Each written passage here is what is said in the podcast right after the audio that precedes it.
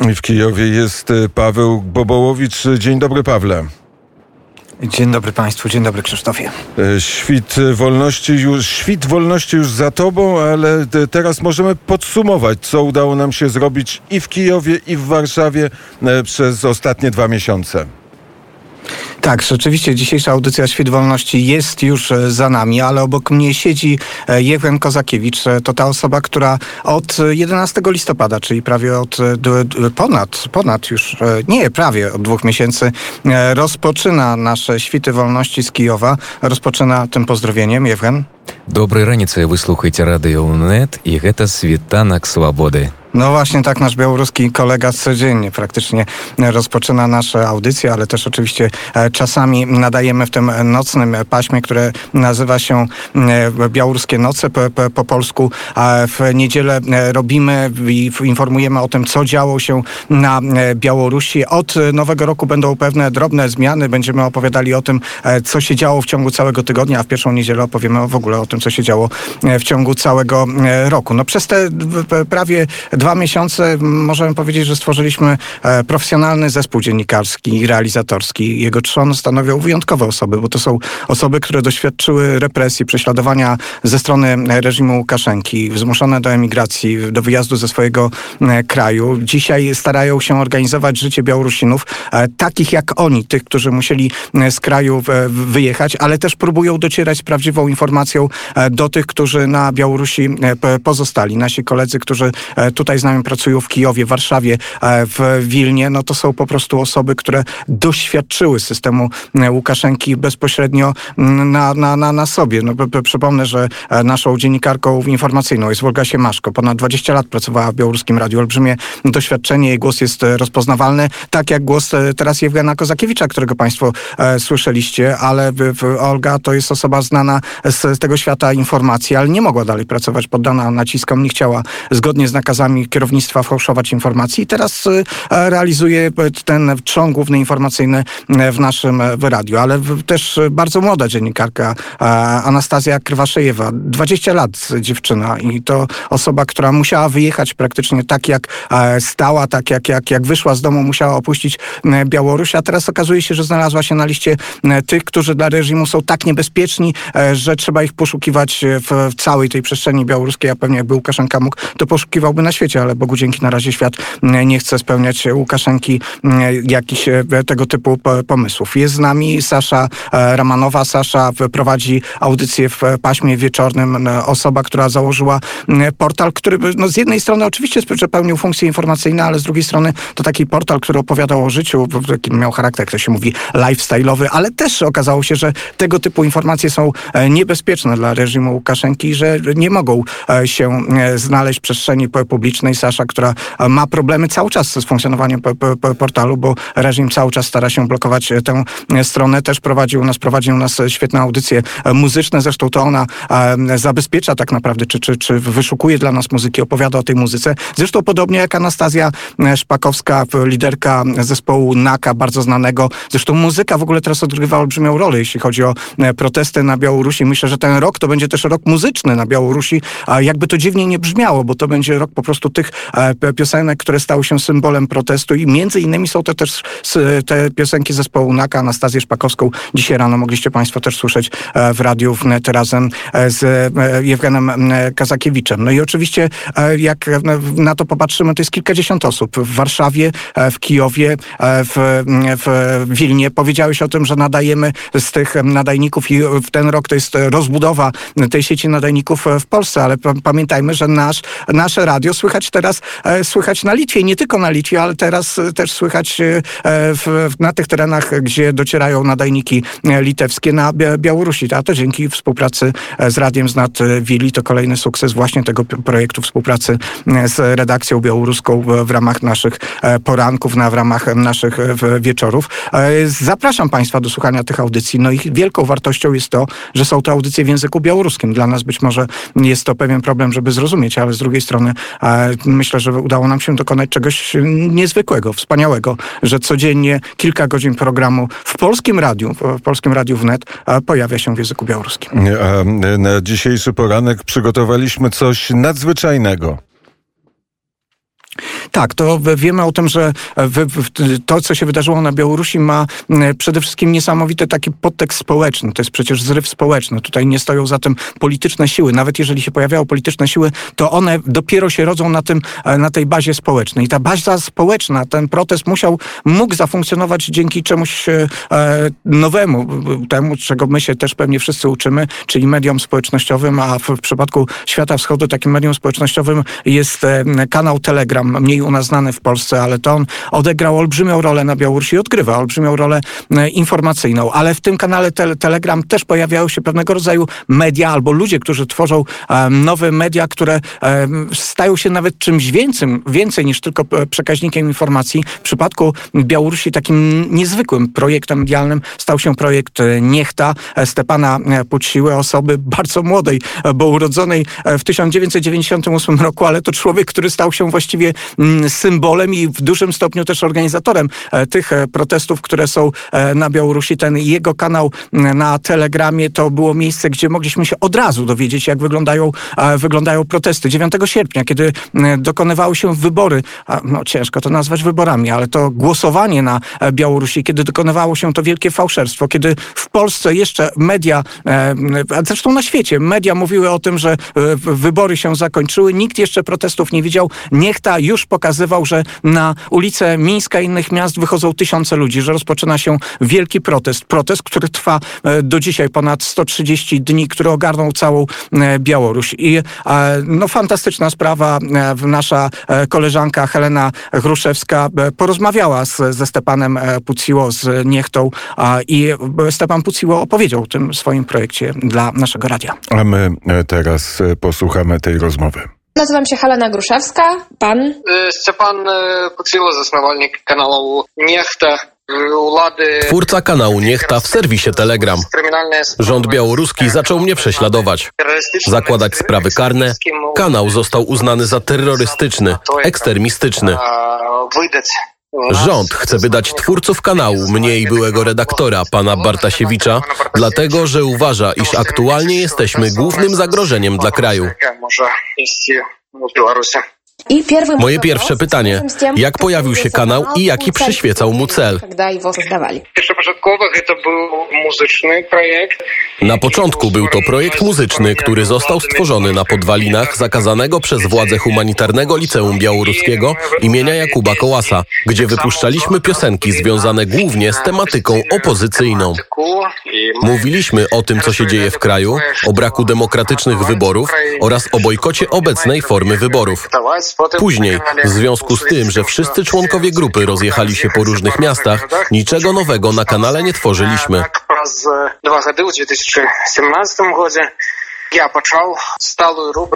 W 2017 roku zapoczątkowałem na kanale stałą rubrykę z wiadomościami, w której co tydzień opisywałem bez cenzury, co dzieje się w kraju.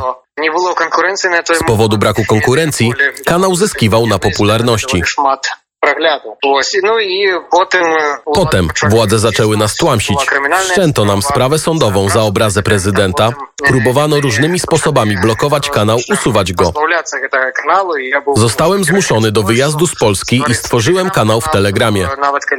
Nawet jeśli władze próbowałyby blokować kanał na YouTubie, czytelnicy mieliby dostęp do informacji na kanale w Telegramie.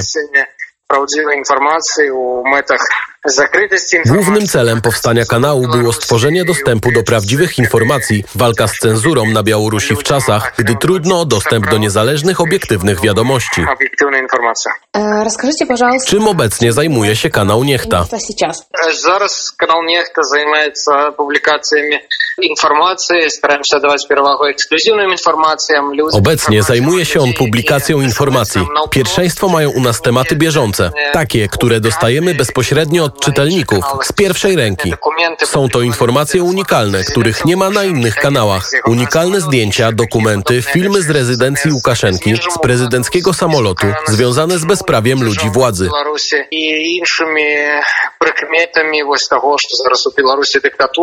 Na Białorusi panuje dyktatura i obecnie zbieramy dowody potrzebne do sprawy sądowej, aby przestępstwa, które mają miejsce, mogły być poddane osądowi. Mówimy także o trwających protestach, o wszystkich działaniach społeczeństwa. Протесту, усі заклики людей, усі акції, ми безумовно про їх кажемо. А, а можете рассказать, какие... Czy może pan powiedzieć, jakie organizacje z wami współpracują? Czy są organizacje, które wam pomagają lub pomagają Białorusinom tak jak wy? Е, Так, звісно, ми о, знаходимося, поки ми не маємо офіційної е, реєстрації, як Aktualnie nie mamy oficjalnej rejestracji jako środek masowego przekazu, więc wszystkie biurokratyczne kwestie rozwiązujemy z pomocą białoruskiego domu w Warszawie. Dzięki Alesiu Zarembikawu mamy nowe możliwości, mamy do użytku mieszkania w Warszawie, z których możemy pracować. Pomaga nam również w poszukiwaniu finansowania oraz sprzętu potrzebnego do pracy, a więc pomoc otrzymujemy od Białoruskiego Domu w Warszawie. Pomagają oni także zbiegłym, a w tym tygodniu mają miejsce wypłaty dla ludzi, którzy ucierpieli pod reżimem Łukaszenki. Не допомагають і не допомагають бі- утікачам, які зараз знаходяться. І ось у ці дні акурат відбуваються виплати людям, е, які потерпіли від режиму Лукашенка. А какие вы видите... Jakie widzicie dalsze perspektywy? Jak wyobrażacie sobie dalej swoją walkę? Все буде залежати від того, що wszystko będzie zależeć od tego, co będzie się działo na Białorusi, jak z danymi sytuacjami będziemy sobie radzić. Na podstawie tego będziemy podejmować kolejne działania, ale bez dwóch zdań nasz cel pozostaje niezmienny. Przekazywać informacje Białorusinom bez względu na to, kto będzie u władzy. Зараз усі е, сили накеровані міновіто на бояка. Chcemy całe nasze siły skierować na to, aby obalić reżim, aby Białorusini czuli się wolnymi ludźmi, aby nie było więźniów politycznych, aby ludzie mogli swobodnie wypowiadać swoje myśli, dokonywać wyborów, organizować marsze bez otrzymywania za to kary od organów władzy Łukaszenki. Знаете, ось ці органи злочинних, злочинні органи Лукашенки. Е, І, безумовно, ми будемо усе як це робити, прикладати усі намагання. Na pewno będziemy dokładać wszelkich starań, aby Łukaszence nie zostały inne możliwości, jak tylko zrzec się władzy, oddać ją komuś innemu lub całkiem podporządkować się Rosji. Łukaszenka jednak tego nie zrobi, ponieważ on chce władać krajem samodzielnie, bez żadnych rozkazów z góry. Керувати Білоруссю самостійно, без ніяких загадів зверху. Какое у вас э, отношение к... Jaki ma pan stosunek do wpływu, jaki Rosja ma na Białorusi, jeśli chodzi o język? Czy w przyszłości język rosyjski powinien zostać jednym z języków urzędowych Białorusi? языков Беларуси? Е, Ну, зараз гэта пытанне, я не думаю, што перша E, radne, to bo to pytanie, jakie trzeba wziąć na potem, kiedy w Białorusi. Myślę, że ta kwestia nie jest obecnie najważniejsza. Trzeba będzie to pytanie zostawić na potem, kiedy na Białorusi będą wolne, demokratyczne wybory pozbawione falsyfikacji. Białorusini wtedy sami powinni zdecydować, bez żadnej propagandy. Powinni mieć dwa warianty, dwa punkty widzenia, wszystkie za i przeciw i powinni wybierać samodzielnie wybierać, a nie. Wybierać, a nie tak jak teraz odbywa się to na Białorusi, gdzie język rosyjski jest jedynym językiem, ponieważ Łukaszenka nie zna żadnych innych, nawet białoruskiego. Nawiązując do wpływu Rosji na Białoruś, tu nie ma żadnych wątpliwości, że Rosja ma swój punkt widzenia i będzie dążyć w kierunku tak zwanej konstytucyjnej reformy, po której stworzone zostaną partie polityczne. Tak zwaną konstytucyjną reformą, po jakiej e, stworzą створацца э, партыі ў беларусі будзе партыйная сістэма і прарасійскія партыі будуць прымаць э, Będziemy mieć system partyjny i partie prorosyjskie będą podejmować decyzje potrzebne Kremlowi. Do tego również nie możemy dopuścić, ponieważ przy takim systemie tworzona będzie iluzja partii demokratycznych, ale i tak Łukaszenka będzie mógł oficjalnie zostać na stanowisku niekierowniczym, ale formalnie przy władzy zostać. Nie możemy się na to zgodzić. Э, застацца пры ўладзе бок мы не можам на гэтыя варыянты сцэнару таксама ісці А видите ли вы какого Czy widzicie lidera, który poprowadziłby walkę Białorusinów? Na przykład Cichanowska, Babaryka, a może ktoś inny? Кто-либо другой? Э, Ну калі раней год э, таму яшчэ казалі што э, няма ніякага лідара што Jeszcze rok temu mówiono, że nie ma żadnego lidera, że nie wiadomo, kto zastąpił Łukaszenkę. Był to argument oponentów. прыхільнікаў гэтых уладаў то зараз э, гэтага пытання не паўстае таму што Teraz takie pytanie nie powstaje, bo Białorusini zobaczyli, że jeśli nie Łukaszenka, to wszyscy inni mogą stać się kandydatami. Cichanowska, Babaryka, Capkała. Nawet Sierhiej Cichanowski, którego wielu Białorusinów popierało i nadal popiera i. Jest wielu kandydatów i ludzie sami powinni wybrać podczas demokratycznych wyborów, kto będzie przedstawicielem ich interesów. Obecnie Cichanowska jest bardzo wiarygodna, nawet na międzynarodowej stopie. Spotyka się z politykami, zachęca międzynarodowe instytucje do tego, aby zwróciły większą uwagę na sytuację Białorusi.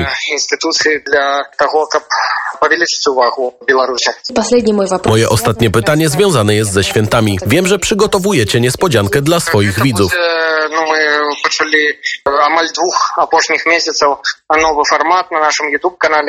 Tak, przez ostatnie dwa miesiące pracowaliśmy nad nowym formatem. Będą to m.in. relacje na żywo, streamy, gdzie będziemy omawiać wiadomości minionego tygodnia oraz aktualne wydarzenia na Białorusi w audycji noworocznej będziemy omawiać wszystko to, co dotyczyło Białorusinów w całym minionym roku.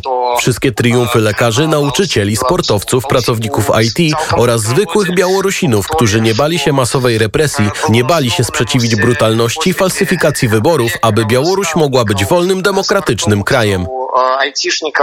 Wszystkich bohaterów będziemy wspierać, mówić o tych, którzy wykazali wdzięczność nam za to, co robimy i przyczynili się do tego, co tworzymy na kanale. Będzie można również składać swoje własne życzenia noworoczne.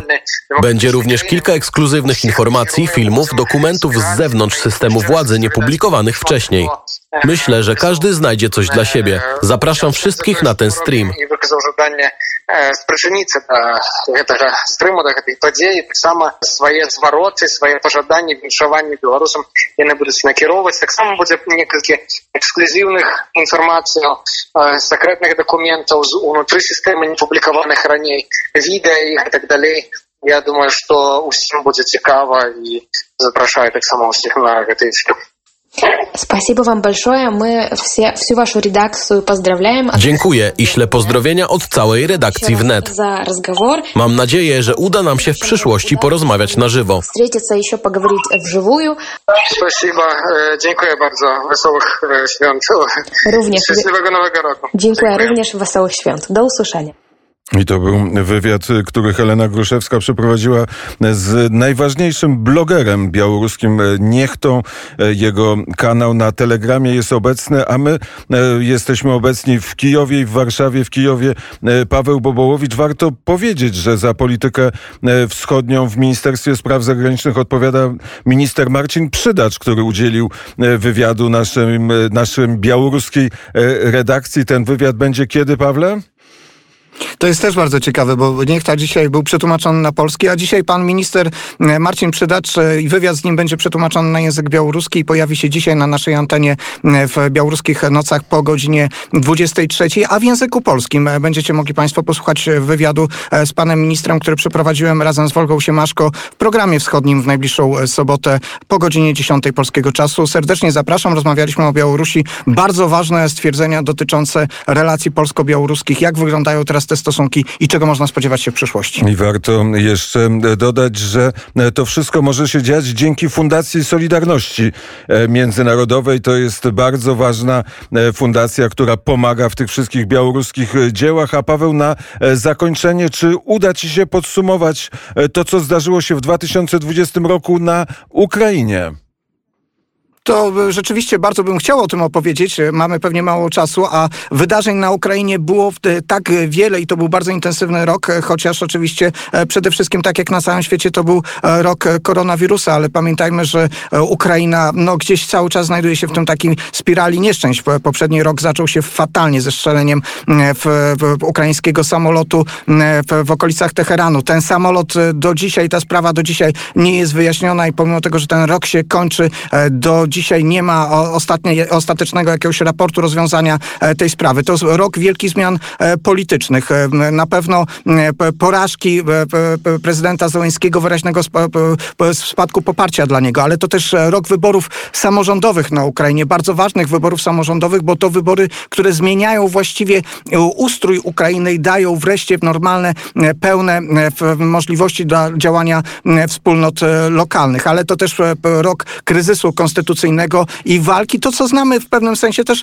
e, u nas wewnętrznej, ustrojowej, związanej właśnie z problemem i usytuowaniem sądu konstytucyjnego, który podważył największe i najważniejsze reformy e, Ukrainy po 2014 roku, czyli reformy dotyczące walki z korupcją. Sąd, który okazało się, że jest cały czas tkwi gdzieś w tej przeszłości janukowyczowskiej i ten temat nie zakończył się, on cały czas trwa i właściwie jest związany z tymi ostatnimi dniami e, grudnia i ostatnimi dniami 2020 roku, bo wczoraj prezydent postanowił zawiesić przewodniczącego Sądu Konstytucyjnego, skorzystał z pewnych specjalnych uprawnień, ale już wiemy, że Sąd e, Konstytucyjny e, tego nie uznaje. No więc bardzo gorący rok na Ukrainie i oczywiście o tym też postaram się opowiedzieć w programie wschodnim szerzej w najbliższą sobotę. I mimo to, że była wizyta prezydenta Andrzeja Dudy w Kijowie, mimo to, że podpisaliśmy bardzo ważny kontrakt gazowy, mimo tego, że powstał trójkąt lubelski, Kijów, Warszawa, Wilno porozumiały się w sprawie wspólnej polityki. Nie udało się znormalizować, czy nie udało się wyciągnąć stosunków polsko-ukraińskich na taki poziom przyjacielski. Od siedmiu lat e, czekam na taką możliwość, żeby powiedzieć zdanie. Ten rok był kluczowy e, dla relacji polsko-ukraińskich. E, ten rok był przełomowy i niestety, ale chyba pomimo tego bardzo ważnego wydarzenia, jakim była wizyta prezydenta Dudy na Ukrainie, tak łatwo nam się nie uda zakończyć tego roku, a pewne informacje wskazują na to, że przyszły rok może zacząć się też dosyć ciężko w relacjach polsko-ukraińskich. No ale pozytywnych elementów na pewno było wiele, wymieniły się, więc być może też warto rzeczywiście o nich przypominać. Paweł Bobołowicz zapowiedział program wschodni, ale zanim będzie program wschodni, bo to już będzie w 2021 roku, e, czeka nas noc... Jak to brzmi? Jak to brzmi? Czeka nas noc e, sylwestrowa e, ze studia Dublin. Tomasz Wybranowski będzie gospodarzem Sylwestra, ale w tym Sylwestrze będą uczestniczyć rozmaite studia Radia Wnet, w tym studio w Kijowie. No pamiętajmy, że mamy różnicę czasową. E, państwo pewnie na co dzień e, o, nie musicie tego wiedzieć, ale u nas jest godzina już później. E, w związku z tym będziemy godzinę wcześniej obchodzić nowy, nowy rok i wykorzystując to połączymy się z Tomkiem Wybranowskim i będziemy opowiadać o tym, jak nowy rok świętują Ukraińcy, a ponieważ tutaj jeszcze nie ma przepisów dotyczących kwarantanny, tych najostrzejszych, one się dopiero pojawią 8 stycznia, więc można się spodziewać, że ludzie będą też świętować na ulicach Kijowa i ja tam po prostu prostu e, będę i o tym Państwu opowiem, a mam też nadzieję na e, ciekawe towarzystwo, które w tej mojej relacji będzie mogło mnie wspomagać i nie zabraknie oczywiście ukraińskich i białoruskich piosenek. E, najwyższa pora, żeby Paweł Bobołowicz mógł zjeść śniadanie. Pawle, bardzo serdecznie dziękuję Ci za Twój występ w poranku wnet. I ja też bardzo serdecznie dziękuję, ale my wracamy do pracy jeszcze przed śniadaniem.